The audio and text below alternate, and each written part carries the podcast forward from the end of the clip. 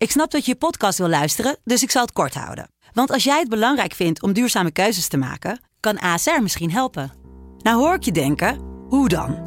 Nou, bijvoorbeeld bij het duurzaam herstellen van schade. Of de premies die we beleggen volgens ons duurzaam beleggingsbeleid. Dat bepaalt waar we wel en juist niet in investeren.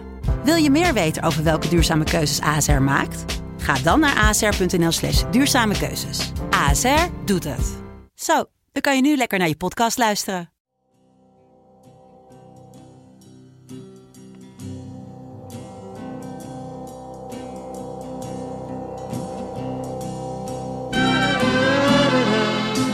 Nooit Viagra gebruikt. Porno. Ik heb eh, die ervaring wel. Volgens mij ben je er wel goed in. En daar was ik echt gek op. Eh, ik ging vaak kijken. Maar ja, als het nodig is, dan zal het moeten. Ja, het was, het was geen slecht filmpje. Ja, hij begon wel heel enthousiast. Ja, dat, dat, is- dat is ook zijn handelsmerk. Ik vind mooie vrouwen zeer aantrekkelijk. Hij was moe, jongen. Sprintkanon.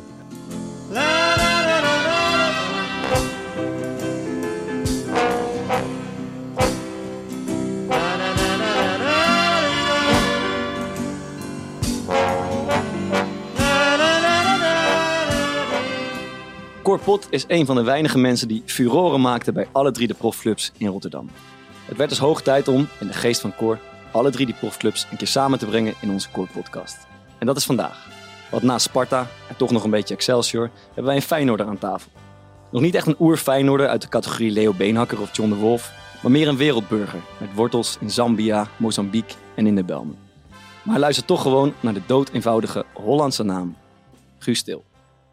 Guus, welkom. Dankjewel, dankjewel. Het, eh, het grappige is, we, wij, los van dat we wedstrijden tegen elkaar hebben gespeeld, eh, kennen we elkaar eh, eigenlijk niet echt. Nee, niet goed, Nee. nee. maar jij, ik begreep dat jij Maarten een aantal weken geleden een keer eh, tegen, tegenkwam in Ja. Amsterdam. En er was toch een soort Ah, ja, gevoel van herkenning. Ja, van mijn kant dan. Van mij keek hij is deze Mongool. Maar ja, ik luister die podcast wel vaak. En dan begin je toch wel een beetje te identificeren met, met jullie gewoon. Mhm. Dus ik reed langs en ik zag Maarten volgens mij met je moeder. Ja, ik liep met mijn moeder in Ja. Amsterdam. Ja. Dus eh, ik denk, hé, die ken ik joh. Dus ik toeteren en ik zwaai jongen. Hij kijkt me echt aan, wie is dit joh? en toen dacht ik bij mezelf, ja, hij kent mij. Ja, we kennen elkaar wel, maar Ja. niet persoonlijk zeg maar. Hij- ik, wat doe ik ook eigenlijk joh? Hij kijkt ook geen voetbal, dus Ik lees alleen maar boeken. hij, hij doet het. En ik zie zeg maar zo'n hele dikke Mercedes eh, voorbij komen. Mercedes, nee, nee, nee, toch, niet was. Mercedes? BMW. Ja, het verschil weet ik het. Ik heb er een auto ook, hè, dus... Ehm, en ik zie iemand zo heel blij zwaaien achter dat stuur. Ik zit te kijken van, en ik denk, zwaai maar terug. Maar kijk ook een beetje van, wat is dat? En ik zie ook zo'n beetje zo'n gekke blik komen van, dit gaat niet goed. Maar had jij wel door dat ik erin Ja, maar- zat? En mijn moeder zegt, wie is dat? Ik zeg, volgens mij is dat Guus Til. Ik zeg, ik weet wel of, eh, wel eens gehoord dat hij die podcast luistert, maar voor mij ken ik hem niet. Dus ik kreeg Ja, heel nieuw, awkward, ja. we stuurde nieuw, nieuw al een bericht van, ja, hey, Guus stuurde net een app dat hij je zag. En eh, ja, hij dacht dat hij je kende, maar hij kent je niet. ja, ja, ja, ja, ja. Maar toen kwam ik je vervolgens twee dagen later Ja, in de stad inderdaad. alsnog Klopt, tegen. ja. Ja, Dus zeker, ja. Toen hebben we het even rechtgezet. Je kunt elkaar natuurlijk ook niet kennen van wedstrijden tegen elkaar.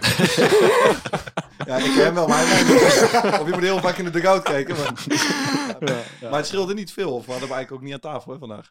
Heb ik, Nee, eh, we, we, hebben, Spion Bart Vriends voor eh in moeten zetten. we hebben helemaal een aarde moeten Die deed bewegen. alsof hij me niet zag. Die, man. die zat op zich heen, die had mij al lang gezien. Ik ik heb, dit, ik, ik heb alleen gehoord dat, eh, dat, dat, dat jullie twee hem in een positie hadden dat hij niet meer kon weigeren. Maar verder... eh, Kijk, het, het ding was, we, we, we wilden graag een gast hebben. En we dachten, nou, het is leuk met eh Guus kunnen we vragen. En hij wilde zelf ook graag. Eh, maar er was ja, een dingetje. eh, hij is nog niet zo lang bij Feyenoord. En die, eh, ja, het ging gewoon niet soepel. Hij kreeg zeg maar, nog geen toestemming vanuit de club. Maar wij hadden wel het idee van, volgens mij, als hij zelf even een beetje pusht. maar dat is niet heel chill als je nieuw bij zo'n club komt. Dat je dan tegen zo'n pers hebt gezegd van, hé, hey, ik bepaal vanzelf. maar we dachten, we moeten hem een beetje pushen. En, ehm, maar, maar dus Guus stuurt op zaterdagavond een bericht van, joh, ja... Ik heb eigenlijk nog niet zoveel vrienden hier. Kunnen we niet even een keer wat drinken? Ah, ja, ja, hij gooit me gewoon voor de bus hier. dus toen, Hij gooit me gewoon voor de bus, die gek. dacht ik wel. Ah, met Maarten ga ik ook niet meer wat drinken. toen dacht ik, dit is een hele mooie, dit is een hele mooie, mooie gozer. onderhandelingspositie. Ik kom, eh, maar ik, ik, ik kon niet. Maar ik kom zondagochtend bij, eh, bij Bart thuis. En die is natuurlijk weer... Laura Gevelder wegen te Die, die is er eentje, die komt een beetje half zo... eh half brak zijn nest Bra- uit. Brak mijn bed uit. Ja, brak zijn bed uit. En ik moest daar naar door. Ik zeg...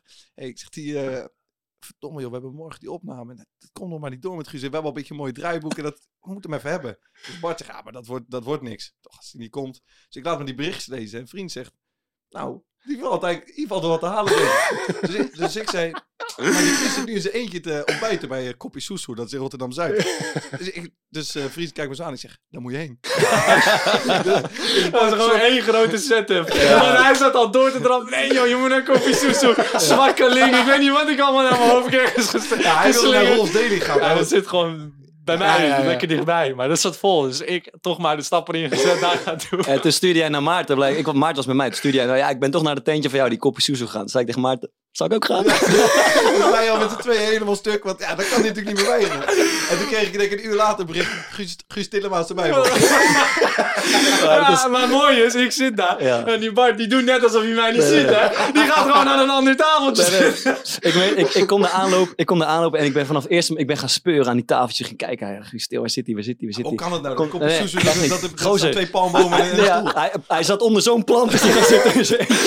Dus, dus, ik dacht, dus ik dacht, nou, het plan is mislukt. Ik, ik bestel mijn koffie en op, na twee minuten word ik op mijn schouder getikt. Hey, vriend, denkt, wat toevallig joh. En toen moet ik Ja, eigenlijk... ik dacht ook, dit kan geen toeval zijn. Dus, het, maar het voelde wel, het was leuk, maar het voelde echt, ik moest toch een beetje acteren voor mijn gevoel. Van, oh, wat toevallig. En na, na, na drie minuten brak ik eigenlijk al. Het zei, ja, nee, kijk. eh, Maar jij hebt daar toch wel ervaring mee. Ik bedoel, je hebt bijna alle terrasjes in Rotterdam wel gehad. En je komt ze nu en dan eh, een bekend iemand tegen. Ja. Die zit dan ook op het terrasje. Ja, is- ja, dat is Ik- ingewikkeld. ja. Volgens mij ben je er wel goed in. eh. Nou, ik, nou, niet, niet echt eigenlijk. hij speelt het ook een beetje. Z- Zit hij in één keer weer eh, Ted Langebach die post dan dat het terras weer open zit. Ja, en, dan, en dan zie je op de achtergrond zie je Bart weer, eh, Ja. Bart weer Nee, zitten. maar Zo- Beetje uit ooghoeken zo. ja, ja.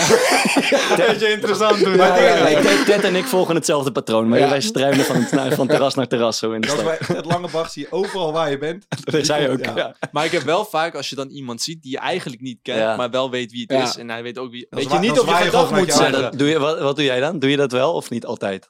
Ja, kijk, bij jou is het Ja. anders natuurlijk, omdat Ja. ik wist van de Core Podcast. Maar ik denk als ik iemand niet goed ken, maar wel weet wie het is, dat ik dan gewoon even mijn duimpje opsteek. We zo. proberen altijd een beetje de verhouding Ja, in te schatten. ja, ik was voor- twee weken geleden op dat eh, Chin Chin festival. En toen zag ik eh, een paar meter afstand van me Hakim Ziyech. weet je wel. Met een eh capuchon Ah, en een brilletje. Daar ben ik er niet bij hoor. Daar ben ik er niet bij hoor.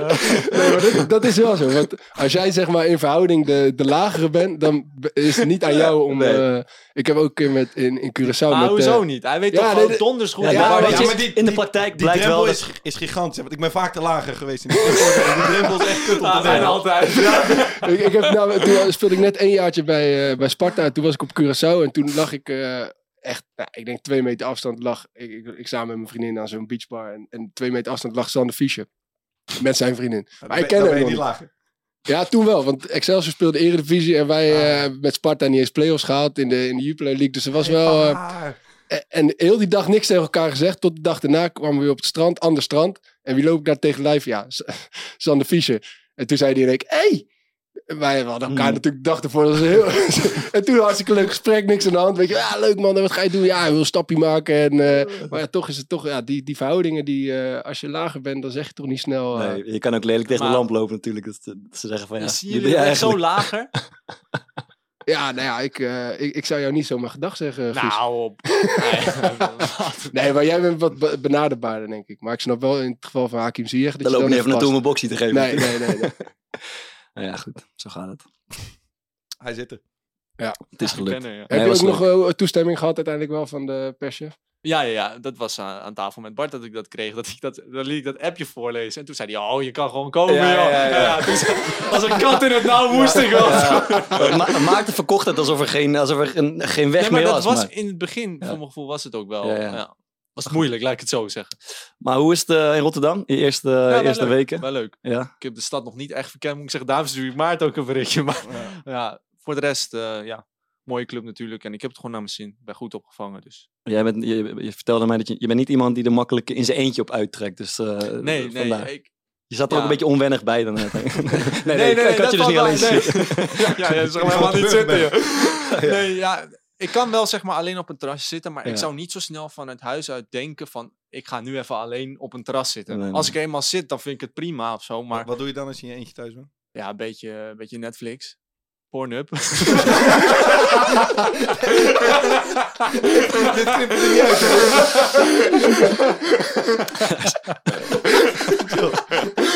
Ja, we hebben beloofd dat hij, dat hij uiteindelijk eh, al- alles eruit kan laten knippen. Dat is, dat, dat is- Oh nee, toch niet. Daar is hij ook weer was, eh, ja, dus zaterdagavond waren wij van het appen. Mhm. En toen was ik met een vriend van me die een beetje eh, zo'n halve fijne toelie is. Dus die zei, we doen ja, ik ben even met Guus Til in gesprek. Zou die gozer godverdomme niet naar bed gaan? maar ik kwam jou de me- op de main tegen, dat was ook s'nachts. Dus Ja. hadden jullie denk ik net trainingskamp gehad en een weekendje vrij. Ja, Maar precies. ja. Word je dan word je veel herkend al daar? Of valt het? Ja, dat is wel een mooi verhaal. ik liep met Steven van Menen, maar die is knalrood. en ik liep met Diemers en ik. Dus wij eh, lopen met z'n drieën zo. En hij loopt ook nog een beetje, eh, volgens mij, hij is fysio bij Feyenoord. Ja, eh, mooi gozer. En hij loopt ook een beetje achter ons. En eh, op een gegeven moment lopen we volgens mij Rarko tegemoet. Rarko. Rarko. Dus ik en Jules, kijk, moet je Rarko. Dus Rarko zegt tegen Steve... Jij bent van Feyenoord. Terwijl ik en Diemers gewoon... Ja, ja, jou ken ik hoor. Fysio, hè, fysio, hè. Liep je er zo voorbij. Dus keek ons zo aan. Die liep helemaal zo'n mannetje zo voorop. Ja, wel mooi, man. Maar voor de rest valt het wel mee. Voor mijn gevoel. Ja. Racco, dat is, die, dat is de, die YouTuber natuurlijk. Die heeft nog, was je er ook bij, Thomas? Die heeft nog een keer bij Sparta mee mogen Nee, daar was niet bij. Ah, dat, was wel, dat was wel schitterend Ja. hoor. Ja, We die hebben kwam, wel eens met het idee gespeeld om hem, eh, om hem uit te kan nog steeds, dat is leuk, dat is leuk toch? Maar die kwam, wel echt heel grappig. die kwam vol goede moed eh, bij ons, maar die, die, na, na 2,5 minuut positiespel lag zijn tong op de grond. En dacht, je, dit, dit gaat hem niet worden. Terwijl hij wel aardig kan voetballen, maar Ik heb wel filmpjes van hem gezien. Ja, hij stond in de zaal. Ja, mijn broertjes, eh, mijn Maar broertjes hij is- hebben met hem gespeeld in de zaal. Eh, Eredivisie. En, hij was altijd, eh, ik ging vaak kijken. Hij heeft een hele zieke shuffle. Ja, ja, dus, dus- dat is ook zijn handelsmerk, de shuffle. Dus ja, echt extreem snel. Zo tik, tik, eh, dreigen, dreigen, Ja. dreigen. En als hij instapt, zo is hij eh, zo heel driftig klein, eh, echt mooi speler. Hij heeft ook meegedaan aan dat boxing influencer. Ja, in elkaar getimmerde Sonny. Maar hij, hij heeft veel te korte armpjes daarvoor. hij begon wel heel enthousiast. Hij was moe, jongen. Ja, mooi, Maar Racco, ik kende jou dus niet. Nee, Ja. nee, die herkent alleen Stefan. Ja, ja Steve wel karakteristieke kop, moet ik zeggen. Dat is Leuk. eh, iemand nog iets kwijt eh, over afgelopen week? Meegemaakt. Nee, ja, ik, nee, ja we, ik, we, we zitten hier natuurlijk bij eh, Club Haug. Normaal Mhm. gesproken moet Maarten dat even vertellen, maar eh, Ja. is die, is die Com- vergeten? Comedy Club Haug zitten. Ja, en, en ik, ik was hier net al wat vroeger. Dan zat ik hier op het terrasje aan de boompjes en, en toen kreeg ik zo'n flashback uit mijn, uit mijn jongere jaren. Eh, en dat is wel eh, op zich wel een mooi verhaal, want het heeft een beetje te maken met Tour de France. Die is nu net eh, klaar. Op een gegeven moment, eh, ik, volgens mij was het 2010 of zo, toen startte de Tour de France hier in Rotterdam. Hier bij de Erasmusbrug. En toen hingen er hier op de boompjes hingen allemaal eh, levensgrote vlaggen van alle, van alle wielrenners. Die, alle wielrenners die hadden één vlag. En ik ging nog wel eens geregeld, als ik had gestapt, ging ik eh, eh, zwemmen in de Maas. Dus dan liep ik hier naar de boompjes en dan dook ik erin. Dus hadden we die avond ook weer gedaan. De, de avond van de, van de Grand Départ, zeg maar. En toen zagen we al die vlaggen. En toen kregen we het idee om, ja, we vonden die vlag eigenlijk wel mooi. Dus die wilden die wilden we wel thuis hebben.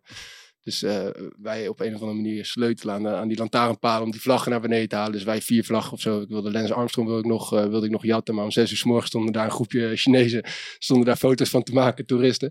Dus eh, ja, ik die vlag mee naar huis en ik ging toen bij mijn ouders slapen. Dus ik had die vlag meegenomen naar mijn ouders en op tafel gelegd. Dus de dag daarna zegt mijn moeder, wat, wat zijn het voor vlaggen? Ik zei, ja, ja, Grande Paar die deel ze uit en echt hartstikke leuk, mooie vlaggen. Zij, zij helemaal trots die vlaggen in onze kamers opgehangen. Die waren echt twee meter groot. Uh, Robin McEwen hadden volgens mij nog, eh, nog, nog, nog een andere. Sprintkanon. Ja, en toen eh, op maandagochtend eh, sloeg mijn moeder het AD open. En toen stond er Vandalen eh jatten vlaggen van, de, van de. En toen werd een vriend van mijn vader, die werd geïnterviewd, want die was wethouder sport geloof ik. En die zei van ja, we missen McEwen, we missen die en we missen die. En we missen er nog eentje, maar er zijn 200 renners. Ze zijn nog niet precies uit welke we missen. Het zijn, nou, app even. Dus, eh, Want die bij, die Felix boven. ja, het is dingetje. Ja, mijn moeder echt wit heet. Die dacht dat we ze gewoon hadden gekregen. Maar dus, eh, ja, dus eh, ik dacht, mooi brugje om, eh, om, om Comedy Club Hou gewoon even te noemen. Ja, Leuk. En moest je die vlag terugbrengen van, van Mams? Eh, nee, nee, die was veel te bang dat we... Dus die vlag hebben we nog steeds.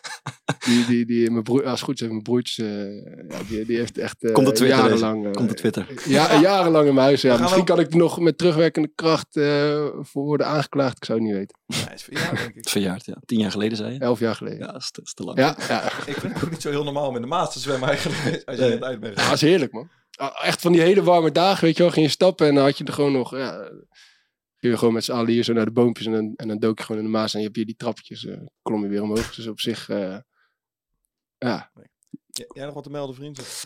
Nee, ik denk. eh, mm, ja, ik, ik heb een. eh, ja, één, ik, ik zit in een familieveten sinds. eh, door, de, door de podcast. Beetje ik heb- mijn schuld, ook, heb ik het gevoel. ja, ik heb Guus eh, gisteren een beetje Ja. laten lezen. Ik, eh, ik, kreeg, ik heb een, een hoog, familie in het Hoge Noorden in, in Groningen. En met die ik eigenlijk nooit contact heb. Behalve dat ik twee keer per jaar een soort politiek statement krijg doorgestuurd. Eh, meestal in de, in de uiterste rechtse hoek van eh, het spectrum. En die sturen dan even eerst een filmpje over The Great Reset. Bijvoorbeeld van, hey Bart, kijk deze even. En dan kreeg ik vorige week ineens een, eh, een, een, een, een link van een interview met Baudet op YouTube. Met tekst erbij, kijk Bart, zo kan het ook. Klein sneertje meteen. Ja, dat is een sneertje.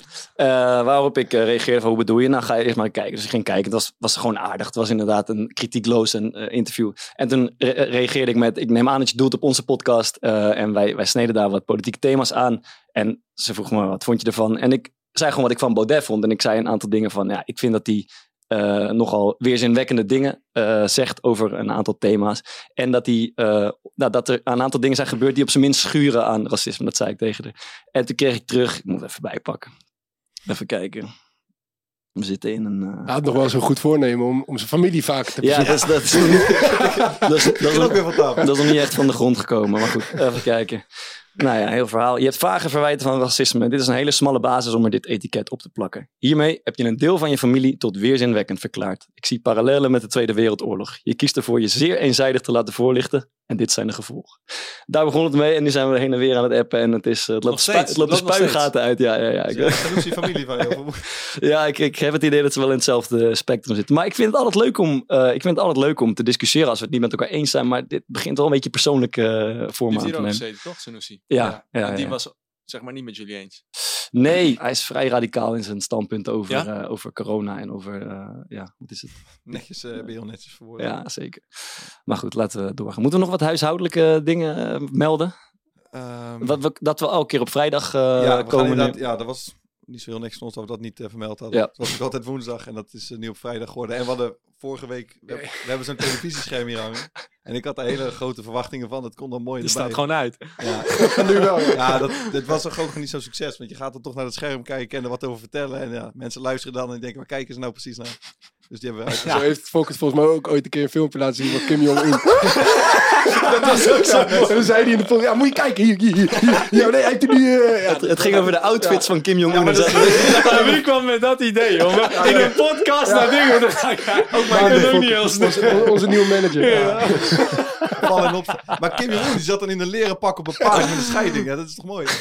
dat was wel goud. Ja, dat was, dat was geen Ja, slecht filmpje. nee, nee, nee. Kim Jong-un, een scheiding. Dat heb ik ook niet vaak gezien. Of, Ja, maar, volgens mij heeft hij het altijd strak naar achter, toch? En dat heeft hij hij een opscheertje. ja, maar had hem toen best wel gewoon ja, modern. eh, hij Dat mag niet meer, Hij hè? was In hij Noord-Korea las ik. Nee? Je mag geen eh, skinny jeans meer en je Nee. mag geen opschoren Hij was, kapseltje. dat was, hij was een tijd lang vermist. En daar hebben we ongeveer een Ja? halve podcast aan. Ja, die, die heb ik ook Waar is geluisterd. Kim Die heb Jong-un? ook geluisterd, ja, ja, ja. Dat die vrienden was met Dennis Rodman en zo. Ja, dat kwam ja. allemaal langs. Ja, ja, ja. Leuk man. Je, was er al vroeg bij. Ja, eh, zeker. Eh, nou, laten we, laten we doorgaan. Ehm, Guus, eerst even over jouw eh, achtergrond. Want dat is wel, eh, dat is wel interessant. Eh, je bent geboren in, Zambia. Want je vader deed ontwikkelingswerk daar. Ja. Hoe, hoe, hoe vind je dat? Of hoe vond je dat? Ja, ik was nog heel klein, dus Mhm.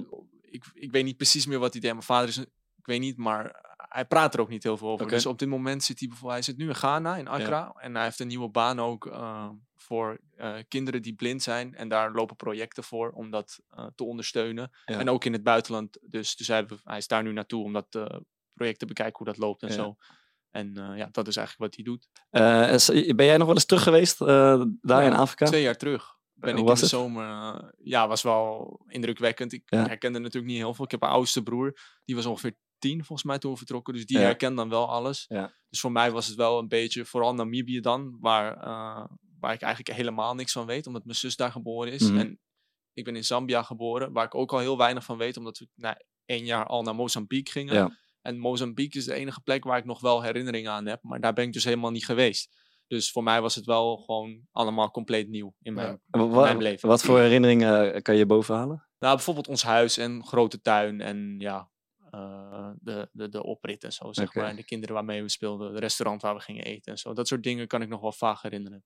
En eh, ben je nog op eh, wilde dieren gestuurd? eh, ben je teruggekeerd in Nou, Afrika? Nou, ik heb echt een ziek verhaal. ja, ik zweer het je. toevallig. Oh, dat, wie wist het? Jullie wisten het al.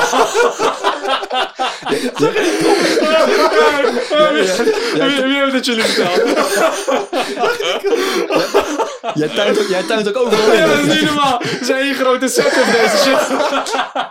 ik zag al die ogen naar me kijken. Als hij nu zegt dat hij geen verhaal heeft, dan liegt hij. Dan liegt hij. Maar van wie hebben jullie dat gehoord? Ja, Of- Kamsten, Nieuw, Nieuw Petersen. Nieuw Petersen heeft ons Ah, eh, oké. ingefluisterd. Nee, dat is echt zo. Want we gingen zeg maar eh, kamperen, maar wildlife kamperen. Dus dan kom je op zo'n camping aan en helemaal niet afgezet of niks. Je moet gewoon in je tentje gaan slapen. En dieren zien blijkbaar niet dat er... Ja, dat is gewoon zo. Die zien niet dat er iemand in zit. Die zien het als een obstakel. Dus wij daar kamperen aan de rivier. En ik kom mijn tijd echt verdoen die hele dag door gewoon aan de rand van die rivier te gaan zitten en alles te bekijken. Want de ene na het ander komt voorbij. Maar eh, ja, de avond viel. En hij dacht even slim te gaan barbecuen. ja, die dieren hebben natuurlijk een ongelooflijk reukvermogen. Dus ja, eh, op een gegeven moment eh, wordt het donker. En ik, ik had al een beetje, een, een beetje... Ik weet niet, het- je voelt zoiets gewoon van... Dit is niet echt een top idee wat we hebben gedaan. zeg maar. Dus op een gegeven moment, eh, wij zijn gewoon lekker aan het babbelen. Want we, waren ook, we zijn met z'n zessen. En we zijn al heel lang niet met z'n zessen bij elkaar geweest. Dus dat was ook even wennen. Dus dan als je met z'n zessen bij elkaar bent... Met z'n die- zes is jullie gezin. mijn gezin, ja. Mijn broers, zussen en mijn ouders. En die hele eh, sfeer, zeg maar, moesten, moesten we weer aan wennen. Het is heel druk en zo. Dus we hadden niet echt door wat er in onze omgeving gebeurde. Dus op een gegeven moment eh, breekt er een, een heel, eh, ja, hoe noem je dat, cliché, breekt er een tak achter ons. Dus eh, op een gegeven moment zegt mijn zus, ja, ik hoor daar wat, weet je wel. Dus eh, mijn oudste broer, dat is een beetje, zeg maar, de lefgozertje van, van onze familie. Die staat op en die komt met een zaklamp. Maar als je met een zaklamp in de avond Mhm. op katsoorten schijnt, dan glinsteren die ogen. ogen helemaal op. Dus op een gegeven moment zegt mijn broer, holy fuck jongens, een leeuw. Ja, ik zweer het, echt geen grap. Een, een vrouwtjesleeuw zat daar, maar wij geloofden hem natuurlijk niet. Ja. Maar uit schrik, allemaal opstaan en rennen. Maar dat is echt het laatste wat je moet doen. Dus wij naar die oude... loopvermogen, dat scheelt nog. Ja, maar- maar- nou, mijn andere broer is niet de fitste krijgen. Maar die zat wel als eerste in die auto. Ik weet niet hoe die het voor elkaar heeft gekregen. Oh, Maar, shit. ja, maar mijn broer die ziet soms dingen die er niet zijn. Voor ons gevoel, die hebben we altijd in de maling van, ja, weet je, jij zag gewoon een aap of zo, weet je wel. Dus wij hebben echt, denk ik, drie uur hutje mutje op elkaar in die auto gezeten om te kijken. Als eerst ging, eh, ging volgens mij mijn vader eruit om die barbecue eerst even te blussen, weet je wel. Want ja, dat is natuurlijk niet slim. Dus op een gegeven moment eh, dachten we dat hij, dat hij aan het liegen was. Want wij zagen helemaal niks. We, wij- we hebben helemaal niks gezien die drie uur dat we in die auto zaten. Dus wij op een gegeven moment gewoon weer lekker naar buiten. En eh, zijn we zo snel mogelijk wel die tent ingegaan, want je weet het nooit zeker. Ja. Volgende dag loop ik naar dat, ehm, naar dat blok waar zeg maar wc en douche zit en zo. Ja. En maar daar was nog een, ik weet niet, volgens mij was het een Engelsman. En die wist zeg maar dat, ja, dat is gewoon zo'n die-hard kampeerder. Dus die had zo'n zo'n draaicamera op zijn tent. En wat bleek dus, die gaat aan zodra die beweging ziet. Dus eh, hij laat het zo aan mij zien. En je ziet gewoon een vrouwtjesleeuw met negen welpjes zo langs zijn tent Oh, lopen. Ik God. zei, ja, was gisteravond hè? Ik zei, ja, dat weet ik. God, Sam, hè. hij zag ook die voetsporen en zo. Dus we zijn daar wel goed weggekomen. Volgens mij is het zo, als leeuwen welpjes hebben, zijn ze nog best beschermend ook nog eens. Mhm. Dus dan moet je nog uitkijken. Ja, ik ben bijna opgegeten door een leeuw daar. Daar ga je het ook niet van winnen, denk ik. Nee, nee, dat denk ik ook niet. Holy shit. Nee, Ja, ziek. Maar je, je, je moet niet gaan rennen dus blijkbaar als er, eh, als er een leeuw in de buurt is. Nee, dat moet is je echt dan het doen? laatste wat, Wat moet je dan doen? Vraag hij weg Ja, nee, nee, volgens mij is het beste... hopen, hè? ik heb wel eens hard hopen dat, dat, dat ze je broer pakken. Hier, deze. wat voller. Meer vlees, meer vlees. Nee, maar eh, volgens mij is het gewoon... Hebben jullie wel eens de Dog Whisperer gezien met Caesar Milan? Thomas wel, National. Geographic? Nee, ik heb het nooit gezien, Ja, weet dat, is, eh, dat is zeg maar gewoon met honden. Maar volgens mij is dat dus ook wat je moet doen Ja. met een leeuw. Dus gewoon stilstaan en gewoon geluiden maken. Gewoon. dat denk ik dan. Je moet ze gewoon bang maken. Gewoon laten Ja, daar zien. worden ze bang van, denk ik. Ja, maar als je gaat rennen ben je natuurlijk prooi. Ben je gewoon een springbok. Maar ja, En ben je nog langzaam ook. Maar jullie waren met z'n zessen. Ja. Ja, wat wil je dat... nou, zij waren met Negen negen welpjes, ook nog. Ja, met die keer hebben we Die kan je. Ja, die kan je. Die kan Ja, je. ja. Ja, Ja, en mooi. trouwens, ik heb er nog één. Oké. Was, eh, wij zaten aan de rivier, maar dat was oversteekplaats van eh, olifanten. Dus toen wij daar aankwamen, zagen we al zulke afdrukken zitten. En ik, ik scheet hem op mijn broek. Ik zeg, ik ga in die tent, meest ver weg van die, van die plek. Dus op een gegeven moment in de ochtend, ik loop weer naar dat eh, wc-blok, want dat, dat is de enige plek waar je kan tanden poetsen en een beetje douchen. Dus je gaat niet in de rivier daar. Maar goed, ik loop daar naartoe. Tanden-. Nee, met mijn broer. Oh. Ik tanden poetsen met mijn broer en gewoon een beetje babbelen. Maar ik ging als eerste weg en ik ging zeg maar, je had zeg maar eh, de weg er naartoe. Kon je om een bos heen, linksom en rechtsom. En rechtsom was dus in die, op die weg waar die olifanten liepen. En linksom was gewoon ja, de normale weg van die camping. Dus ik loop linksom en ik, eh, ik ga weer terug. En op een gegeven moment zie ik dus daar eh, mijn ouders en, en met zo'n eh, zo'n man die daar wel is als er gevaar is, zeg maar. Met, ik weet niet, hij had geen geweer, maar wel gewoon van die camping. Die zijn daar gewend aan, die weten Mm. precies wat ze moeten doen. Die staan zo allemaal daar bij elkaar. En aan de overkant zie ik daar dus een, een mega grote olifant. Maar die zit precies op die weg terug, weet je wel. Dus mijn broer die komt daar aan en "Daan, Daan, kijk uit. Want je kan ook die niet te hard schreeuwen, want dan slaat het beest op op. Dus hij kijkt gewoon naar de grond. Ik denk dat hij echt op drie meter afstand stond. En toen pas omhoog keek. En toen echt, holy fuck, zeg die ogen zo Mhm. groot worden. Maar ja, hij had niet later op moeten kijken of hij was, eh, was de Sjaak. Ja, Ja, lantaarn. Kan je nog een keer oplopen? Olifant. Ja, ja, dat zijn mooie verhalen. Ja, man. Holy shit, ja, wel goede verhalen. Ja, dat kan je ook allemaal mee gaan maken nu, eh, Fok. Ja, dat is wel de bedoeling. Mooi. Waar wil je naartoe? Ik wil met mijn vriendin heel graag naar eh, Zuid-Amerika. Ehm, in 2022, hopelijk als het weer een beetje kan, want dat is nu corona-technisch allemaal nog niet zo heel makkelijk. Maar ja, er staat ook wel een tripje naar Afrika eh, op de planning. Want wij gaan een, een school laten bouwen eh, in eh, Sierra Leone. Dat is via Sander de Kramer, die is een keer in de show geweest Ja. ook. Dus ik was van de week met hem om het daarover te hebben. En daar schijn je ook nog wel wat dieren te kunnen...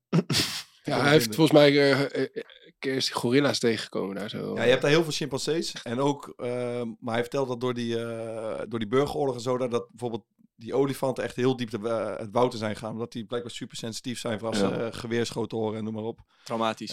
Ja. Maar hij, vertelt, ja, hij zei wel, ja, als we daar dan heen gaan, dan, moeten we, eh, ja, dan moet je gewoon, dat kan ook in het vliegtuig er naartoe, dat komt wel goed. Maar ik moet je wel eigenlijk even een soort briefing geven. Ja. Eh, want ja, je hebt daar een aantal dingen en ja, daar, daar kom je niet meer weg daar. Hij zei bijvoorbeeld als je moet, eh, je zou zeggen als je moet, eh, als je moet pissen, dan loop je gewoon even de bosjes in. Maar zij beschermen hun gewassen eh, met hun voorvaderen. Dus dan staat er bijvoorbeeld ergens een lege flesje. Lijkt, dan denk ik, wat doet dat flesje daar? Eh, maar er zit dan bijvoorbeeld as in van, van eh, een van die voorvaderen. En dan staat er een stuk Ah. verderop nog een keer, Mhm. zoiets. Maar als je dan zo'n lijn overloopt, ja, dan doe je gewoon iets wat, dat kan daar niet. zeg Mhm, maar. Ja. dus dan kan je er ook niet, ja. In Nederland kom je dan weer weg dat ze zeggen van, joh, we halen de volgende keer niet meer doen. Maar dat werkt daar zeg maar niet zo. Dus dat allemaal van die, eh, ja, een beetje gekke dingetjes al. Ja. Dus het wordt oppassen. Maar het schooltje gaat er wel komen. Ja, vet. We hadden het er net over. Het zou cool zijn als we, als we daarheen kunnen. Ergens, als de tijd toelaat. Ja. Ja. Ehm, Guus, wat wel, eh, wat wel boeiend is, wa- want ik wil laatst dat jouw, eh, jouw ouders niet per se heel veel met de voetbalwereld hebben. Ja, Ehm, dat, dat Heb zei ik zelf Kijk, veel mijn- met de voetbal mijn moeder, mijn moeder vindt voetbal wel leuk hoor. Die is wel heel sportief en zo. Ja. Dus ik moet daar wel een beetje op terugkomen. Mijn vader, dat kan me al niet schelen. ja. Uh, maar mijn moeder vindt het wel leuk. Maar ik weet wel dat we vroeger bijvoorbeeld... We hadden geen, eh, hoe heet het toen? Eredivisie Live of zo. Wij keken gewoon Ja. alleen zondagavond highlights. En dat was het. En dat was meer ook omdat, omdat wij dat als broers zijnde eh, wilden zien. Ja, ja. Voel jij jezelf thuis in de voetballerij? Ehm, nou, ik vind het spelletje gewoon heel mooi. En de rest eromheen kan me eigenlijk niet zoveel boeien. Maar ik vind, ik vind sport zelf gewoon echt eh, ontzettend leuk. Dus daarin voel ik me wel thuis. Alleen, ehm, laat ik zo zeggen, bijvoorbeeld... eh, je kan mij 4 tegen 4 met mijn vrienden vind ik gewoon het leukste wat er is nog steeds. Mm. De- de- Zo, zo bij, ik weet niet, bij Swift heb je dat Power League of zo. Als ik dat ga doen, dan, dan, dan heb ik echt, echt ontzettend veel plezier. Ik denk misschien nog wel meer dan als ik gewoon echt eh, wedstrijden speel. Ik denk dat dat voor ons allemaal eh, Ja. geldt. Althans, Ja, eh, zeker. De, de, de essentie van eh, eh, voetbal is 11 tegen 11. Maar ik denk dat we allemaal het liefst gewoon 4 tegen 4, Ja. 6 tegen 6, 7 tegen Ja. 7 spelen. En dat Dat 11 tegen 11 is dat eigenlijk, was, dan had ik misschien ook nog voetbal. 11 tegen 11 is eigenlijk de minst leuke variant van ik eh, ben spelen van voetbal. door de voorbereiding en de warming. Ja, warming-up is echt kut wat er is, vind- ik. Maar Maar, Ja. maar kijk, ik kan me voorstellen dat zeg maar, de wereld waar je nu in zit, die is, eh, ja, die is Nou, wat me vooral heel, tegen... heel, heel anders dan de- hoe jij zeg maar, waarschijnlijk bent opgegroeid. Ja, zie precies. Werkveld je ouders actief Zeker zijn. waar, zeker waar. Wat me vooral tegen, tegen de borst stuit, is zeg maar de belangen die erbij komen kijken. En ook vaak oneerlijkheid die erbij komt kijken. Bijvoorbeeld als een speler gekocht is. Af en toe is hij vaak niet eens goed, maar dan moet hij spelen. En dat soort dingen, eh, geld die erbij komt kijken en zo, dat heb je vaak niet eens door. Maar als je eh, iets langer erin zit, zeg maar, dan heb je heel veel dingen wel door. In het begin natuurlijk niet, maar die belangen die, die verpesten gewoon zoveel, voor mijn gevoel. Ja. En dat wordt steeds erger natuurlijk met, eh, met die oliedollars en zo. Dat, ja, dat valt bijna niet tegen te gaan. V- vind jij dat, eh, dat voetballers te veel verdienen? Ehm, ja, vind ik moeilijk te zeggen. Want we zijn natuurlijk wel publieke figuren. En bijvoorbeeld als je ziet wat eh, bijvoorbeeld Perghuis nu allemaal naar zijn hoofd geslingerd krijgt. Dat vind ik wel, vind ik wel onderdeel van waarom er zoveel verdiend wordt door een voetballer. En dat is toch wel anders dan als je gewoon een 9 tot 5 baan op kantoor hebt. En, eh, en totaal niemand eigenlijk eh, ziet wat je aan het doen bent. En daar ook nog een mening over heeft. Dus dat ik vind ik wel moeilijk. Ik vind in eh, relatief vind ik het wel. Maar ik vind wel dat wij meer mogen verdienen. Omdat we een publiek figu- figuur zijn. Maar het is wel over de top gegaan. Ik ben natuurlijk in Rusland gaan voetballen. Dus ik ben ook gewoon onderdeel van het probleem. Ja. Dus ik Ja. veroordeel het niet. Want ik heb het zelf ook gedaan. Omdat het gewoon enorm verleidelijk is. je kan het wel veroordelen, toch? Ondanks dat je het zelf misschien aan toegegeven hebt. Ja, dat, dat kan wel. Het enige wat ik vind is dat het, het het spelletje er niet leuker op maakt. Dat is het meer. Alleen het is natuurlijk voor elke speler enorm verleidelijk. Mm. Dat probeer ik ermee te zeggen. Ja, dat kan ik me goed voorstellen. Heb je gezien wat Messi had gezegd? Die heeft volgens mij de helft van zijn salaris... eh, Die heeft geluisterd, denk ik, naar ons. Niet- niet, jou, Thomas. niet, maar wel ons. Die heeft de helft van zijn salaris ingeleverd, geloof ik. En blijft bij Barcelona. Ja. En die zei van, ja, ge- geld is nooit mijn eh, eh, drijfveer geweest. Snap ik. Eh, als, je, als je een half miljard verdient. Nou ja, en toen zei hij van, ja, als ik er geen geld voor zou krijgen, zou ik het ook doen. Dus, dus met andere woorden, hij vindt voetbal gewoon het mooiste. En, en, en als hij er geen geld voor zou verdienen, het mee zou verdienen, dan zou hij ook nog steeds voetballen. En dat is natuurlijk wel ergens wel zo. Ja, maar dat is wel heel makkelijk praten als je... Wat is het? Hoeveel wordt die groot verdient? Meer dan 500 miljoen. Dan is het natuurlijk wel makkelijk om dan te zeggen... Ja, als, als je me nou niks meer geeft, dan doe, blijf ik het nog steeds doen. Ja, Maar ik, snap ik. snap ook wel dat voetbal is inmiddels een business. En ik Mm. snap het, maar ik vind het wel jammer, zeg Ja. maar. Ja. Dat is het meer. Dat Mm. gevoel heb ik erbij. Eh, weet je hebt het over waar ik vandaan kom. En ik denk dat je ook doelt op eh, de Belmer in Amsterdam, toch? Bijvoorbeeld, Ja, ja. en eh, dat was wel iets moois dat je, dat je zegt dat je bij eh, Surinamers en Antillianen en Ghanese over de vloer kwam. Mhm. En dat je daar ook eh, veel van de wereld van hebt, eh, veel van hebt opgestoken eigenlijk. Mhm. Dat, dan, wat, wat leer je van het eh, over de vloer komen bij eh, een Ghanese familie? Nou, bijvoorbeeld, daar is het eten, de maaltijd is gewoon één groot feest. Er wordt zoveel mogelijk gemaakt en iedereen kan aanschrijven die wil aanschrijven. Ja. En dat is bij mijn familie was dat nooit. Dan, eh, mam, kan die mee eten? Ja, dan moet ik even kijken of ik wel genoeg heb gekocht. en eh, hoe, laat, eh, hoe laat dan? Eh, Hoe laat dan? Ja, bij een Ghanese familie. Ja, of ja, ja. sowieso buiten de Nederland, West, eh, ja, West-Europese cultuur. Heerst dat niet zo, zeg Ja. maar. Dan is het gewoon, eh zoveel, neem maar zoveel mogelijk vrienden mee. En eh, Ja, we lang kijken leven de... Ja. Volgens Ja, mij is dat precies. de grootste ergernis van iedereen die niet een Nederlandse achtergrond heeft. Is, is dit verhaal over Nederlanders. Als je zeg Ja. maar, daar per ongeluk bleef hangen en moest Ja, aanschuiven bij het eten. Dat Ja. altijd zo Ik van, denk dat ja, daar ik weet niet meer. gierige ook een beetje Misschien moeten we nog Ja. even naar de supermarkt dan wat extra halen. Ja. Eh, dat, dat is volgens mij Ik een ik heb niet gigantische aardappels, ik heb maar twee stukjes Ja. vlees. Het kan wel, maar dan moeten we het even delen. Weet je zo? Nee, ja, kan een beetje vader moet twee hamburgers. ja, dat is, maar, eh, dus dat zijn dingen die je daarmee hebt opgestoken eigenlijk. Ja, is een voorbeeldje. Ja, Ja, ja, ja, ja. bijvoorbeeld. Zijn er nog vragen die je gaat stellen, Bart? Over dit, eh? Gooi, ga los, jongen. Ja, waar ik heel erg benieuwd naar was, ik, ik, ik las een interview met je na je eerste week, denk ik, bij Feyenoord. En daarin eh, zei je dat je dat heel vertrouwd voelde om weer met Arne Slot te werken. Mhm. Eh, en daar zei je dat je eh, dat het heel belangrijk voor jou is om op, eh, met vertrouwen te beginnen. Mhm. En dat je anders dat het eigenlijk niet kan lukken om ergens te slagen.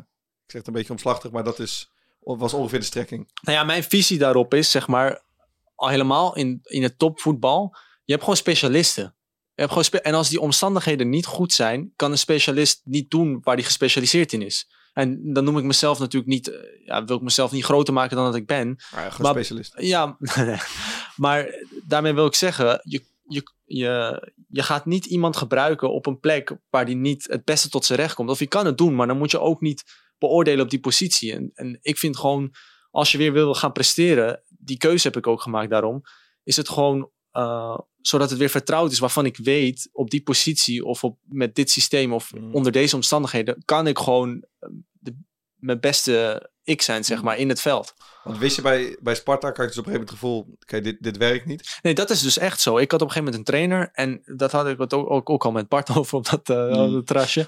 Dat eh, op een gegeven moment gaat het ook in je kopje zitten van, oh shit, we spelen met 5, 5-3-2, we zakken in. Ik kan dit niet. Ja. Als, we, als ik speel, het lukt gewoon niet. En als dat dan, op een gegeven moment zat het zelfs zo diep dat ik echt dacht van, jezus ouwe, ik weet niet of ik dit dan op deze manier wel wil, want ik ben gewoon niet goed op deze manier. En ik weet niet of dat in mijn kop zit of dat dat echt zo is, maar zo voelde ik het wel. Ja, je had al- als je zeg maar al de, de opstelling zag en je zag dat er met vijf verdedigers gespeeld ging worden, Dan was je al uitgeschakeld. Dan was ik bijna al uitgeschakeld, Ja, ja, bij wijze Je van. stond ja. in ieder geval nog op het veld als er met vijf verdedigers gespeeld werd. ik, eh, mijn positie was meestal de eerste die eraf ging eh, bij 5-3-2. Thomas' positie is weggesaneerd bij Ja, Sparta. ja. Ik ben daarna bij Excelsior ook. Zo je altijd hebben. Ja, dat zeg ik altijd. Maar, Maar eh, hebben jullie, dat- herkennen jullie Nee, dat ja, niet? zeker, zeker. Ik bedoel, ik kan me goed. voorstellen in een Hmm. vijfsysteem, bijvoorbeeld, dat had ik het ook met Ja, jou ja, over. Als centrale tuurlijk. verdediger word je helemaal naar de zijlijn Ja. getrokken. Dat je ook denkt, ja, alleen is goed back kunnen spelen. ja, Ja. dan- en dat is, ja. nee, dat is wel waar. En dan, eh, eh, dan, kan je, dan kan je het vervelend vinden en voelen dat je minder tot je recht komt. Maar ik kreeg bij jou het gevoel dat je eigenlijk al, al uit was geschakeld op het moment dat je wist dat dat weer je nieuwe positie wordt. Van, Ja, ja, dit, dit, dit ligt mij niet. Ja, kan ik, ik moet daar wel nog echt stappen in maken. Want Ja, dat- ja. zo zit ik wel een beetje in elkaar. Ja, ja. Ja, want zo- oud ben je natuurlijk ook niet. Ik bedoel, je kan nog prima 23, de- eh, ja. dingen, ding- dingen leren die, Ik eh, hoop die op dit wel, moment Je, niet je hebt nog drie jaar. Dus- Nee, maar dat, ja, dat is toch wel zo. Je, je hoeft toch niet per se eh, goed te blijven in wat je goed doet. Je, kan je, toch, je, je hebt toch juist ook die jaren... Doorontwikkelen, ja, Ja. dat kan. Ja, tuurlijk kan dat. En dat het eeuwige dilemma, dan zie je, als je, nu kan je er al eigenlijk al een beetje op terugkijken. Nou, ik sta Eh, nog onder contract. Hè, Ja, dus- dat klopt. Ja. Maar je, je kan terugkijken op wat die stap je heeft gebracht. En als je dat dan zo afweegt, heb je daar dan enigszins spijt van? Hmm, laat ik het zo zeggen. Als je die Rabobank hier hebt, ook Ja, dat is, niet. dat is het dilemma toch? Want er staat ook heel veel tegenover natuurlijk. Zwaar, ook een paar kutjaren in het buitenland, maar dat heeft je ook mm, geen windeieren gelegd. Ik vind, dat, zo ik vind dat echt moeilijk om Ja. te zeggen. Ik, ik zou dat echt niet weten. Het is gewoon dat ik daar naartoe ging omdat ze het systeem speelden wat ik, wat ik gewend was. En eh, eigenlijk in, in alle facetten ging ik erop vooruit. Alleen ik had natuurlijk niet verwacht dat, er, Nee. Dat het zo zou omslaan. Ja. Dus ik, dat kan altijd gebeuren. Ja. Dus in die zin, Dan slaat het moeilijk. eigenlijk nergens op om spijt te hebben, want je, je, je ziet de voorwaarden die je krijgt. En het kan maar net zo zijn dat het goed uitpakt. Precies. Je kan, Ja, het kan ook een succes worden. Dus ja. ik begrijp- dan, dan, hetzelfde met, met Freiburg, waar ik naartoe ben Ja. gegaan. Kwam ik daar geblesseerd binnen, speelden we 4-4-2. In Ja. principe kan je dat ook als een 4-3-3 zien, omdat die tweede spits speelde eromheen, zeg maar, Ja. als soort nummer 10. Ja. En dat was de positie waar ik voor in aanmerking kwam. Maar in de laatste wedstrijd bij Spartak raakte ik geblesseerd. Kom ik bij eh Freiburg vijf weken lang eh, revalideren. En dan ja, kan je natuurlijk ook niet meteen wedstrijden gaan spelen. Ja. En in het begin draaide Freiburg helemaal niet goed in die 4-4-2. Zijn ze 5-2-3 gaan spelen. Wonnen ze vijf wedstrijden op elkaar. Ja, toen dacht ik ook van ja. Ja. Kan, kan je een verschil aanduiden tussen de Russische manier van voetbal beleven en de Duitse manier? Of de Nederlandse manier misschien? Ik denk dat Duits en Nederlands wel dichter bij elkaar ligt. Ja. En Russisch is vooral. eh, ik had wel het gevoel dat er heel veel spelers waren met heel veel individuele kwaliteiten. ja. Maar dat er wel nog potentie zat in het daadwerkelijke eh, tactische gedeelte. Dus dat het heel nog, nog best wel eh, achteroverleunen. En Ja. een beetje de tegenstander vaak eh, gewoon lekker laat voetballen. En wachten tot de bal dan bij jou komt. En in, de in de discipline, in de manier waarop ze sport beleven? Is dat, of kan je daar iets over zeggen? Hmm. Doping. nee, nee, nee. nee. Ehm, in Duitsland was het wel echt gericht op winnen. Dat is echt niet Ja. normaal. Meer dan in, in Nederland? Ja, nee, echt niet Hoe- normaal. Hoe, hoe uitziet dat dan? Nou, ja, in de kleedkamer, echt. Dus als je niet wint qua... Bedoel je dat zeg maar in de kleedkamer? Dat als je niet wint, dat mensen dan knettergek worden? Of- Ja, bepaalde mensen, niet altijd spelers, ook wel als trainers en zo. Ja. Dus dat, dat, het echt, dat je echt dacht, wow, dit heb ik echt nog nooit meegemaakt. En ehm, En, en ook dat, eh dat dus, eh, na een overwinning, een slechte overwinning, dat de sfeer eigenlijk goed was, want er is gewonnen. Ja. Dat is in Ja, Nederland ja, ja, ja, bijvoorbeeld bij ons eigenlijk niet zo, toch? Als wij, nou ja, goed, bij, bij Sparta en Excelsior misschien wel, maar als je heel slecht speelt en toch wint, dan is het sfeer overwegend kritisch. Als wij wonnen vorig jaar gelijk weekend vrij. croissantjes Nee, maar je kan je voorstellen als, als je bij Ajax of Feyenoord of PSV speelt en er wordt echt slecht gespeeld, maar met de hak over de sloot gewonnen, dan is de sfeer niet uitgelaten. Dan is het vooral nog kritisch, denk ik. ja, maar toch had ik altijd wel het gevoel dat er ook wel enigszins...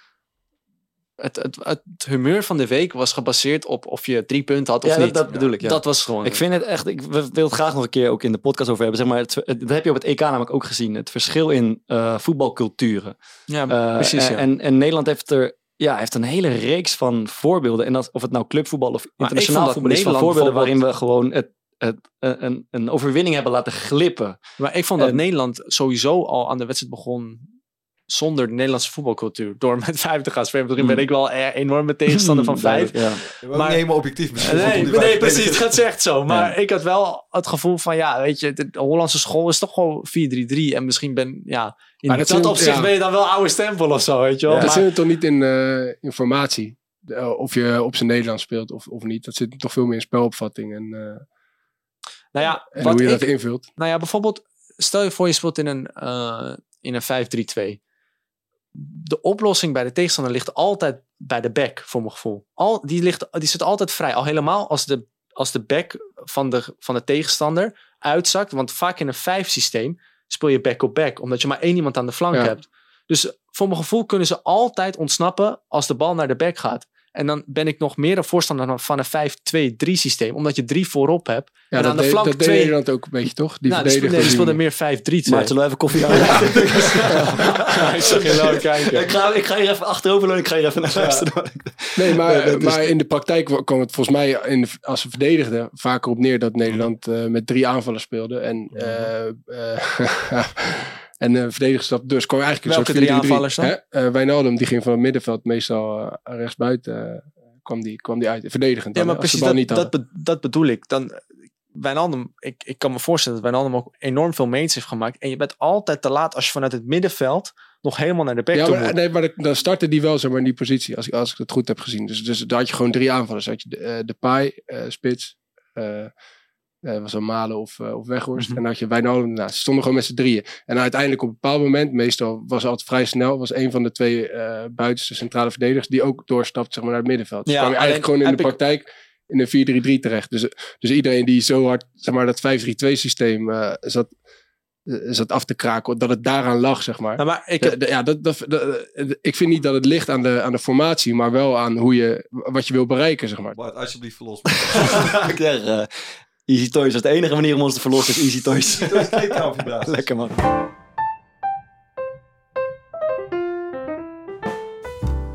Easy Toys.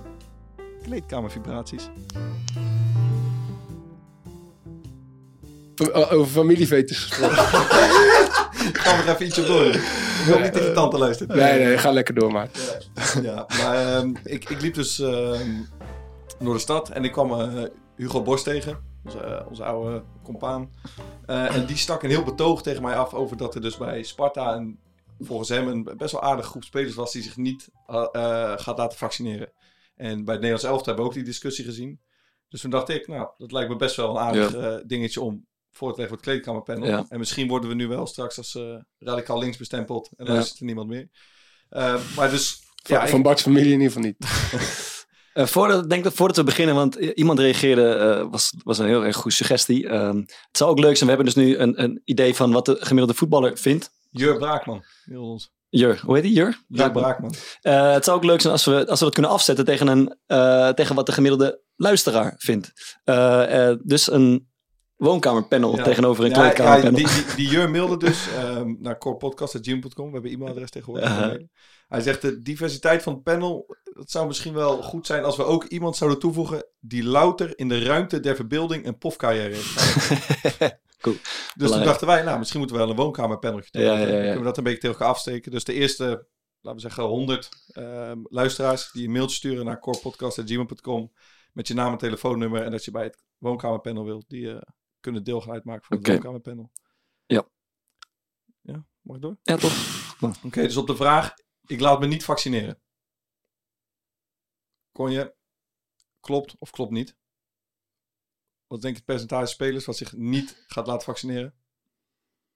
Eh, ik denk, eh, Ik denk 36. nee man, ik denk 5% of zo. Oké, 15. 10%. Hmm. Dus nou, dat viel me nog mee. Maar misschien ligt ons eigen, eh, hoe zeg je dat, ons, eh, is ons panel toch niet zo divers maar ik, ik, Moet je even moet je zeggen. Ik, ik had even opgezocht bij het, bij het RIVM. En in Nederland ligt nu de, het percentage van mensen wat zich niet wil laten vaccineren ligt op 4%. Oké, Dus dat, ja, dan zou ik wel, Ja. het is 2,5 keer zoveel. Dus dat is wel aardig. significant kunnen we stellen. Ja, dat is significant. Ehm en dat is nog eentje, we hadden een aantal vragen gesteld, maar wat wel nog denk ik aardig was. Het is een goed idee als, eh, als clubs hun spelers verplichten zich te laten vaccineren. Ja of nee? Eh, Percentage, Nee. percentage die het een goed idee vindt. Er zijn wel, er zijn wel al meerdere dingen die eh, clubspelers verplichten, toch? Dus dat is dit denk ik niet het gekste.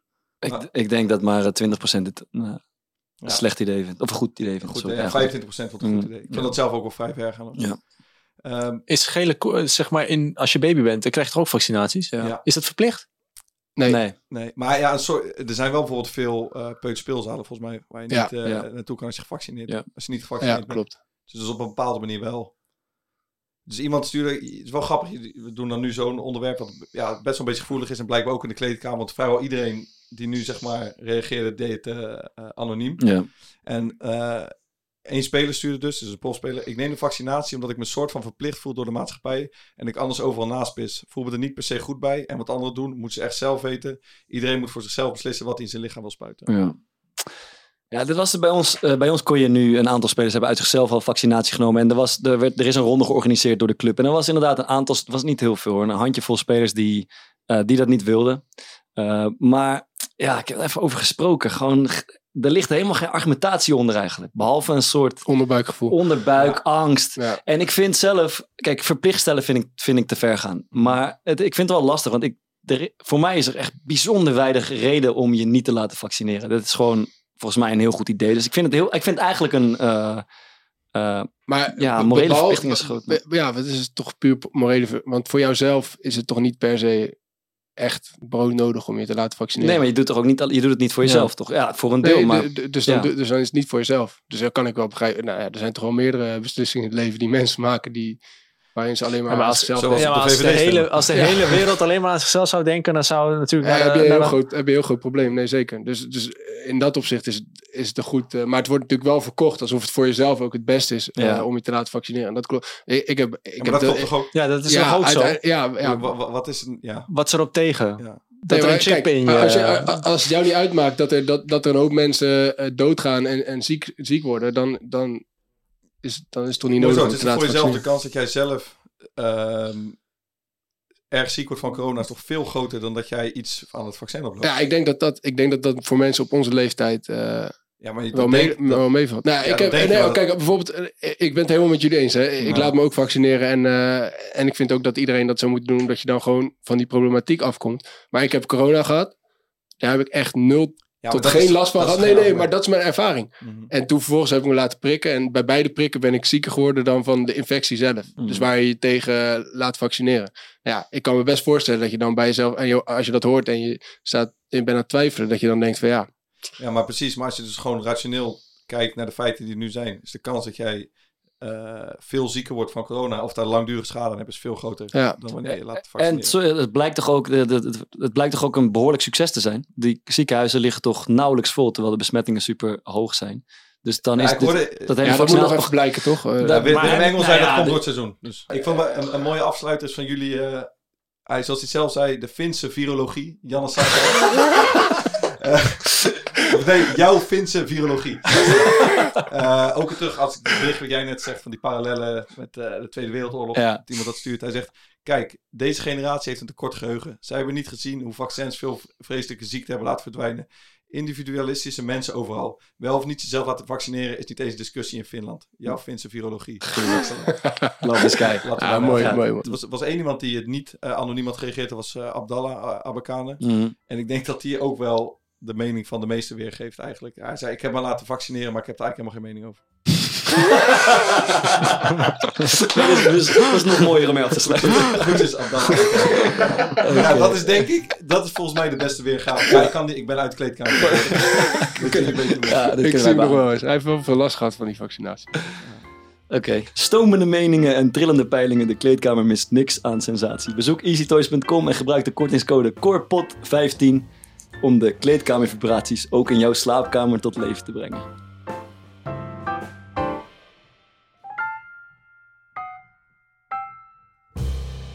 Ehm, dan toch even, ik, ik was eh, afgelopen weekend even bij Club Atelier zaterdagavond gewoon eh, een biertje drinken. En er waren een aantal gasten die, die de podcast bleken te luisteren. En die spraken me daarop aan. Hoe is het met Maarten? Heeft hij al een club? En bla bla. En op een gegeven moment, er werd, er meer en meer gedronken. Werd, ik, werd er een van die guys werd ingebeld op FaceTime door een, door een andere gozer, een vriend van hem. Die zo van, tegen mij eh, brabbelde van... Ja, luister, leuke podcast, maar één ding. Die René van Dieren moet terugkomen. En dat, dat wou ik Wat gaat hij even doen? vertellen. Wij, ja, we hebben met hem afgesproken van de we week. hebben- we hebben, de- de- er komt een nieuwe rubriek, die komt één keer in een aantal weken. En we- René had zelf aangegeven nadat hij vorig jaar te gast was geweest, van dat hij het eigenlijk wel zo leuk vond. Veel, Ik wil nog wat doen. Mm. Ehm, Hij, hij stuurde mij, ik, ik, ik kom in de krochten van de, van de samenleving. Dus, Ik vond het wel mooi dat hij zichzelf uitvinder noemt. ja, ik heb gelachen thuis, jongen. Wat doe jij? Ja, ik ben uitvinder. nou, maar zo ben ik er dus een keer tegengekomen na een wedstrijd boven in die business. Toen zei, ja, ik ben, ja, je bent tegenwoordig thuis ook uitvinder. Hè? Dus hij zegt het gewoon tegen iedereen. wij, wij dus Bart en ik, kijk, we hebben, dat zal ik zo uitleggen, we hebben een idee gemaakt voor een rubriek met hem wat we gaan doen. Maar we hadden afgesproken met hem vorige week ergens in, eh, in, in, in Breda. Dus op een gegeven moment tijdens het gesprek zegt hij, hey, wacht even, ik kan wel ieder moment opgepiept worden. Dus hij is nu ook brandweerman. Ja, mooi jongen, mooi jongen. Ja, bij alles, dat, ik zat het verhaal te van die rubriek en eigenlijk tijdens dat verhaal denk ik, oh ja, is eigenlijk helemaal niet zo'n hele leuke rubriek. En hij zegt, goh, ja, is wel mooi. Dat gaan we doen, dat is wel mooi. Dus wat, wat we verzonnen hebben, eh, we gaan gewoon het ouderwetse ruilspel spelen. Dus René begint met een object en wij beginnen met z'n drieën ook met een object. Ehm, en hij gaat de krochten van de samenleving in om dat object te ruilen. Eh, proberen voor steeds natuurlijk iets beters, iets wat meer waarde heeft. En wij gaan hetzelfde doen, alleen wij mogen niet, eh, ja, wij bereiken de krochten van de samenleving, denk ik, eh, via onze podcast. Dus wij mogen het alleen vertellen wat we hebben. Mm. Ehm, en dat vervolgens ja, vragen wat de mensen daarvoor te bieden hebben. En dat kan je dan weer mailen naar corepodcast.gmail.com. Ehm en als object hebben we gekozen, heb ik eigenlijk gekozen, een paar handschoenen van mij van mijn laatste profwedstrijd. Ik heb er ook maar 22 gespeeld, dus zijn er niet zo heel veel. Eh, en René gaat met de linkerhandschoen op pad en wij met de rechterhandschoen. Gelijke kansen, zou je Ja, zeggen. Ja. Maar we waren op zoek naar een, naar, naar een item van, ja, wat is nou een mooi zeg maar, eindpunt om naartoe te werken? En ik heb nou eigenlijk één ding heb ik niet, eh, heb ik niet bereikt in mijn profcarrière. En dat is, ik heb mezelf nooit echt kunnen identificeren als voetballer. En dat komt omdat ik nooit zo'n Louis Vuitton toilettasje heb gehad. Ik gok dat ze bij Guus in de kleedkamer niet aan te slepen zijn. eh. Heb je er zelf in? Nee. nee, Ja, ja, eerlijk zeggen, ik zweer zeggen. het Hij kan, hij, hij kan nog geen ja zeggen. Ik zweer het. Ja, dan zou ik het echt eerlijk Heb je er wel zeggen. eens in gehad? Nee. Geloof jij hem? ja, mm, Ja, ja, ik weig het geloven. Ja, ja. Jij hebt wel een Rolexie. Nee, nee, dat is een, eh, van AliExpress. heb, jij, ook- heb jij ook? Nee, ook niet. Wat doe je dan met je geld? ja, precies. Dat is het probleem wat ik aanstel. zoeken nog wel wat leuke sponsors voor die ruilrubriek.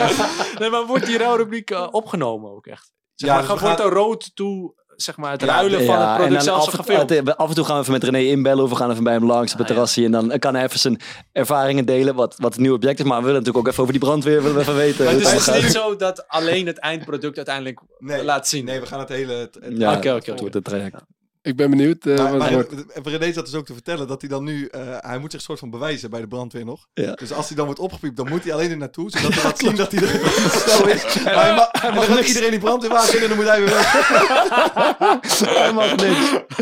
Maar goed, de, le- wel, wel- welke handschoen hebben wij? Rechts of links? Ik denk de, de rechter. En de, de lijnen zijn open, dus we Ja, het, is kunnen een, bij mooi- het, is deze... een, het is een mooie het is handschoen. een mooie One glove is goed. mee. René die zei ook van, ja, jij zal er nooit een paardje Adidas handschoenen.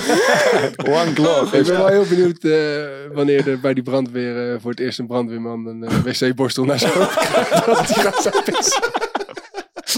Ja, wij kwamen dus ook dan, volgens mij van de Valk. En we hadden ei- eigenlijk om, om, om kwart voor vier of zo afgesproken. Ja, vriend was natuurlijk weer een beetje te laat. Dus wij kwamen uiteindelijk daar om vier uur aan. En hij was in geen veld of wegen te bekennen. Dus op een gegeven moment zitten we daar vijf minuten te wachten. En ik zeg, vriends, we hebben er gewoon helemaal geen rekening mee gehouden dat hij ons in de maling kan nemen. Hij misschien niet kwam. Maar uiteindelijk kwam hij... Of dat hij in een kikkerpak binnenkomt lopen. Maar dat hotel werd ook verbouwd. En hij kwam ineens midden van, die, Ja. zeg maar, van, die, van dat bouwstuk. kwam hij via een of andere gekke ingang was hij binnengekomen. Dus, Goed. Ruilen met René. dus als je wat hebt te bieden voor onze handschoen. Op weg naar het Louis Vuitton tasje. Laat het weten. Ja, die wil je ook echt hebben, hè? Louis Vuitton tas is Ja, die. En, en verloten we die nog aan het einde als we hem hebben? Of hoe, eh, dat was het plan toch? Ja, ik wilde eerst wel een paar keer mee naar het terras. Ja. eigenlijk. En dan, eh, Nou, ik had een medespeler bij Freiburg. Ja. En die, eh, ja, ik zal zijn naam niet noemen. Ja, nou, trouwens, als hij, ik zal zijn naam wel noemen. Niels Peets heette die. En die zei ook van... Nieuw Petersen. Nee, nee, nee, nee, dat lijkt er heel erg op. En Niels zegt ook dat hij heel vaak wordt getagd. Oké, ja. Ja, zijn ja, Twitternaam. ja. Niels. Mhm. Niels. En die zei ook dat eh, die had, dus ook niet echt een jongen waarvan je zegt, die heeft de Louis Vuitton tas, maar die heeft bij Bayern München gespeeld. En die had hem toch aangeschaft, omdat hij toch enigszins Hij wilde erbij horen. Ah, druk ja, voelde. ja, Ja, ja, ja, Dat vind ik toch dan toch Dat wel... begrijp ik wel. Ja, is Ja, treurig. ja, Ja, ja. je ziet ook af en toe Ja, treurig is toch. Maar je ziet ook heel snel bij jongens of het er nou bij past of niet. En dat is altijd zo Ja. verschrikkelijk gezegd. Want het is ook een echt een ontzettend groot ding. Maar ik zou er wel graag een paar keer met Bart samen naar de willen. Guus kan aansluiten als je wil, zonder dat het een of andere spionage ding wordt. Kwam Jurgen Martijn hier een keer met Balenciaga's aan. die Ja, Jurgen, Ah, Jurgen Matthij was echt het voorbeeld van, die interesseerde het geen, dat was bij Excelsior geen pleuris wat hij aan heeft. Dus die kwam altijd gewoon in zijn verfrommelde broekje van de H&M en hij vond het helemaal best. Maar zijn eh, vriendin was best wel gewoon een, een, eh, een, een poppetje, die was zeg maar heel erg bezig met mode. Dus die had hem toen voor zijn verjaardag van die zwarte Balenciaga's gegeven met zo'n sokje die zo heel strak Ah, zit. ja, ja, ja. Heb jij ze? ja, die heb ik. Kijk, Ja, zie je. hier gaat hij al. Wil je niet ruilen voor die handschoenen? maar, maar dus, die, eh, dus Jurgen die komt die kleedkamer binnen met gewoon zo'n trainingsbroek, shirtje niet gestreken. En ineens is met van die schoenen van 600 euro of zo, zeg maar, eronder. En iedereen, je hebt soms, er komt iemand in de kleedkamer binnen en ineens valt het helemaal stil. Gewoon kijken van, wat de Hoe Wat? kan dit? Past Ja, niet bij elkaar. En daarna zo'n hysterische orkaan van lachen. en hij- ook gewoon die schoenen uitslippers aan weg. hij, hij loopt echt alleen maar op slippers. En, en, hij, hij vertelde ook dat hij speelt hij nu? Hij, hij had Oh, het dus voor ze in Praag. eh, nee, in... eh Maar Sofia. Sofia, Sofia. Sofia, ja. Maar hij vertelde ook dat hij ze niet aan wilde doen. Maar dat hij toen de deur uitliep en dat zijn vriendin zei... Hey, doe je mijn schoenen niet aan? dat hebben ze toch aangedaan. Maar Guus, heb je niks in de aanbieding? Voor die handschoen? Nee. Rechte handschoen. Nee, nee, nee. nee, sorry. We gaan iets Wij fijn. dachten, we nodigen Guus Stil uit. Dan kunnen we gelijk een mooi vriend maken. Vliegende stadje Ja, maken. ja, leuk, leuk dat je er was, man. Oh, Ze noemen mij ook wel dagen weer. Eh, Gelijk een goede titel. Dagobert Duck. ja, ja, ja, ja, zeker. Laten we afsluiten met eh, wat we iedere week doen. De aanraders. Eh, de aanraders eh, van de week. En eh, eh, Gustavo mag Denk beginnen. je... What rich people teach their kids, what the poor don't. Rich kid, poor dad. Noem je dat? auto- Rich dad, poor dad. voor tekst. eh, Bij Ryan Babel. Ja, ze zaten toch tegelijk bij Nederlands tafel bij Ryan Babel, denk ik. Bij Ja, ja, ja. Nee, ik heb wel iets en daar heb ik heel lang, zeg maar, eh, heb ik het gevoel gehad dat dat een beetje... eh, mensen durfden er niet voor uit te komen dat ze dat keken. Ik zweer, dat had ik zelf ook. Café Weltsmerch. Nee, dan, dan, ik kijk al heel lang anime. Dat.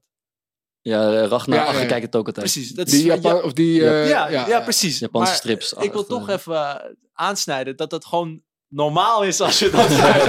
ja, ik zweer het. Je hoeft je er niet Dus, voor te eh, schamen. Je nee, mag er precies, dat bedoel zo. ik. Want ik weet nog, op de middelbare school zat ik dat te kijken. En toen kreeg ik toch opmerkingen naar mijn hoofd, jongen. Sindsdien begon ik altijd toch te twijfelen als ik dat filmpje opzet. En sindsdien kijk ik het ook bijna alleen maar thuis. Maar ik ben er toch wel achter gekomen Ja. dat, dat het echt een heel groot publiek heeft. Dus van heel veel mensen waarvan je het niet verwacht. Ja. Die kijken dat gewoon. Pornhub. En Doe je ook een hentai kijken dan?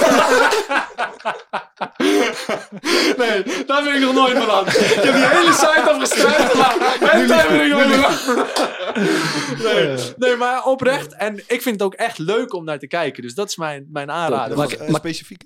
Eh, ja, ik zou bijvoorbeeld met Naruto beginnen. Maar je kijkt bijvoorbeeld niet in de spelersbus om eh, uit, eh, Eh, uit angst dat het gezien wordt. nee, nu, nu, Kijk je dan nu, echt nee, of zo? Je, bent nu zelf, je hebt nog genoeg zelfvertrouwen om... Nee, maar eh, nu, nu kijk ik het wel. Maar vroeger had ik wel moeite mee om in de kantine om dat op Ja, te zetten. Terwijl ik dan toch wel het gevoel... Ik wil echt... Vandaag is de nieuwe aflevering uit. Gewoon, ik wil het gewoon zien. En dan dacht ik wel mezelf... Maar gaan we gewoon thuis kijken.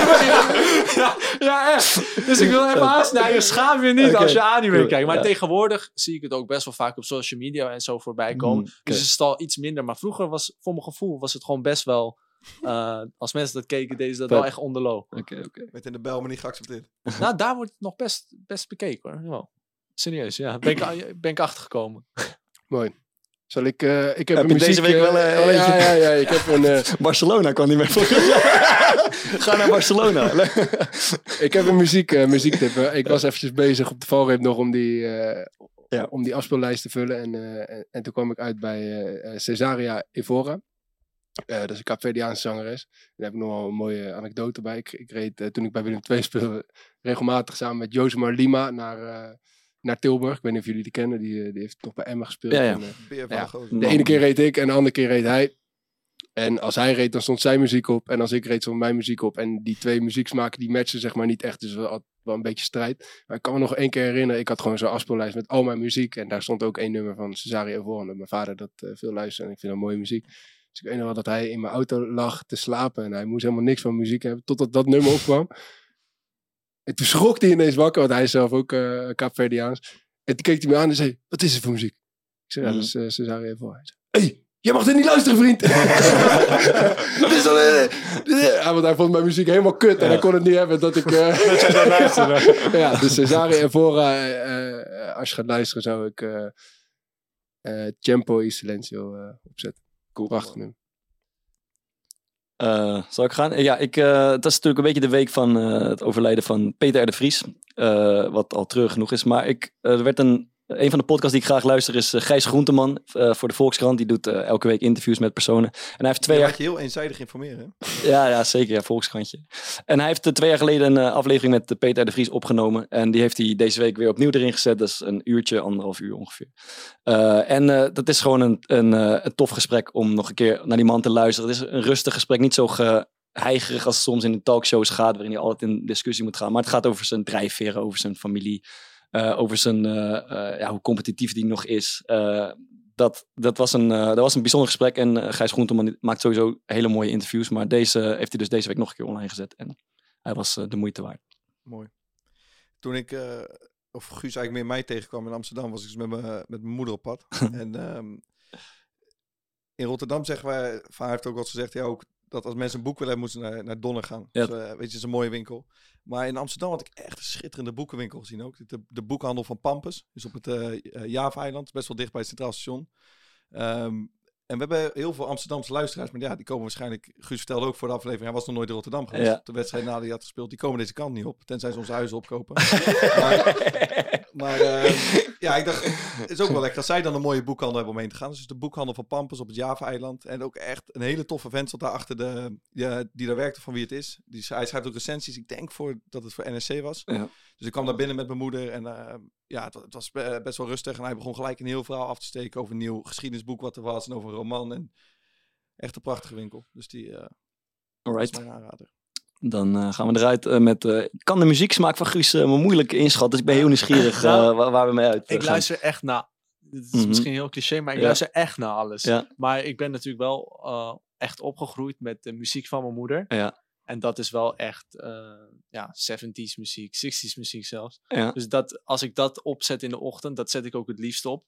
En eh, vandaar dat ik bijvoorbeeld, eh, bijvoorbeeld als ik zelf in het autootje rijd, dan van Otis Redding. Ja, volgens mij Sitting on the Dock of the Bay. Oh, dat vind ik gewoon echt een heerlijk Mhm. nummertje om, Cool. om mee naar de club te rijden. Dus Vet. die komt van mij kant. Leuk man. Top. Gaan we mee uit. Lijkt me goeie. Bedankt, Guus. Guus, eh, leuk dat je was man. Thanks. En eh, ja, s- succes Ja, bij bedankt. Feyenoord. En eh, we zien elkaar eh, als je weer eens eh, iemand nodig hebt om op het terrasje te zitten. Weet je ons nu te vinden. Doei. Sitting in the morning sun. I'll be sitting when the evening comes. Watching the ships roll in. And then I'll watch them roll away again. I'm sitting on the dock of the bay. Watching the tide roll away. Ooh, I'm just sitting on the dock of the bay, wasting time. I left my home in Georgia, headed for the Frisco Bay. I've had nothing to live for, and look like nothing's gonna come my way. So I'm just gonna sit on the dock of the bay, watching the tide roll away. I'm sitting on the dock of the bay,